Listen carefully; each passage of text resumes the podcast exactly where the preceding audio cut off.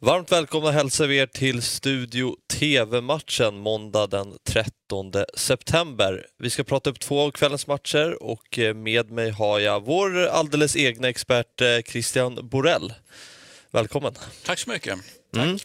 Vi ska prata upp eh, Everton Burnley och Mjällby AIK. Vi kan väl börja i Premier League och den enda måndagsmatchen i Premier League mellan Everton och Burnley på Goodison Park 21.00. Eh, Christian, eh, Everton har fått en bra start i Premier League med sju poäng på de första tre matcherna. Ja, Lite... höll jag på att säga. Det blir ju, det blir ju så med, med Benitez då, eventuellt, för det är ju det som är den stora frågan med det här Everton som ju alltid dras med den här frågan om eh, ska man ska man kunna liksom utmana Big Six eller, eller är det så att man inte ska ställa det kravet på Everton? Liksom man, man, jag tycker väl att man i en bra säsong ska kunna ställa eh, de kraven eller liksom ha de förhoppningarna på Everton. Så att, eh, och, och, då känns ju faktiskt Benitez som någonting eh, väldigt säkert att hålla i handen när, när, när Oskar går där i, i Liverpool helt enkelt.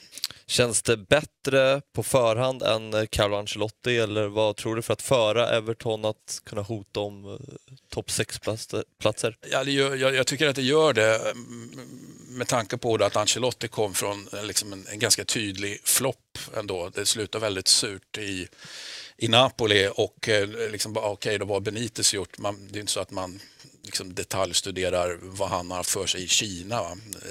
Man, man tittar ju på den ligan, så är det ju. Eh, så, eh, men jag utgår ifrån att Benitez har kvar sitt alldeles speciella Benitez-sätt liksom att bedriva, bedriva fotboll. Då, det vill säga, det, det, är, det är hög lägstanivå som gäller. Så att jag i ett Everton-perspektiv eh, är optimistisk inför den här säsongen. Och mer optimistisk då än inför Ancelottis ankomst. Mm. Dominic Calvert-Lewin är lagets bästa målskytt så här långt. Han har gjort tre mål på tre matcher och ställs ikväll mot Burnley. Ska vi förvänta oss en eh, stabil etta för, för, på Everton? Ja, jag tycker att vi ska göra det. Ehm, och vi har ju haft indikationer här eh, i början på seriespelet. Dels att Everton går bra. Burnley går väl precis eh, så icke bra som man kanske har förväntat sig. Så att, ehm, det är väl egentligen de två frågorna. Ja, men är det dags eh, för Burnley att åka ur nu?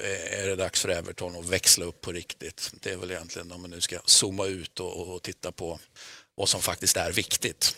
Alltså Everton-Burnley 21.00. Ni ser matchen på Viasat Premium. Vi förflyttar oss till Sverige och Allsvenskan där Mjällby tar emot AIK, ett AIK som har fem raka segrar och vid seger tar över serieledningen från eh, Djurgården.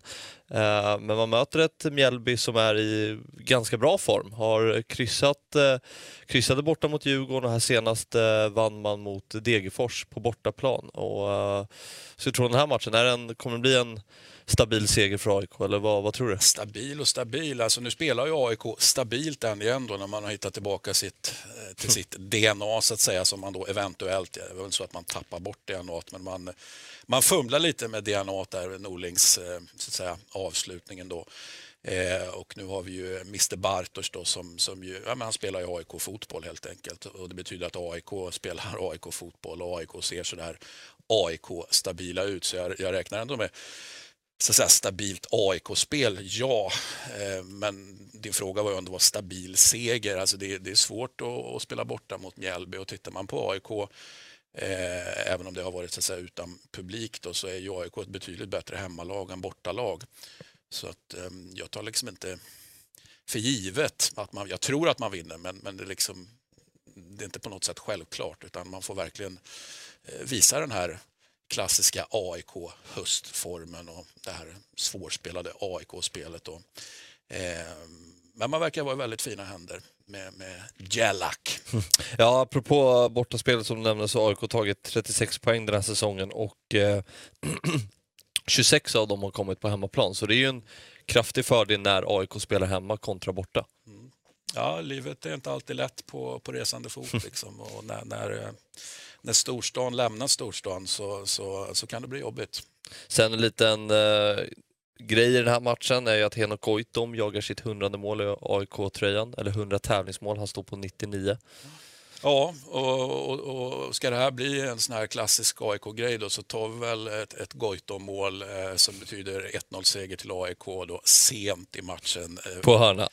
Ja, eh, liksom från eh, matchminut 86 och framåt. Är väl någonstans där det ska hända då. Mjällby-AIK alltså. Matchen börjar 19.00 och ni ser matchen på Discovery+. Det var allt vad vi hade för idag. Vi ses igen imorgon. Då är Studio TV-matchen tillbaka. Tack!